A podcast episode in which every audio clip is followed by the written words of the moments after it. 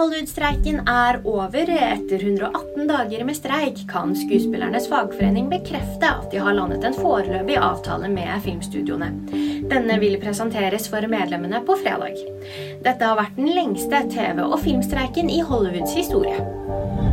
Ny republikansk presidentdebatt uten Donald Trump. Igjen var storfavoritten og landets tidligere president ikke å se på skjermen da de republikanske presidentkandidatene møttes til sin tredje TV-debatt. I stedet holdt han et velgermøte i Miami en liten halvtime unna debattlokalet. Dette Picasso-maleriet er solgt for milliardsum. 'Kvinne med armbåndsur' er dermed blitt det dyreste kunstverket som er solgt i år.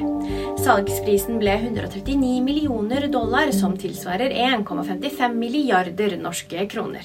Og husk, nyheter finner du alltid på VG.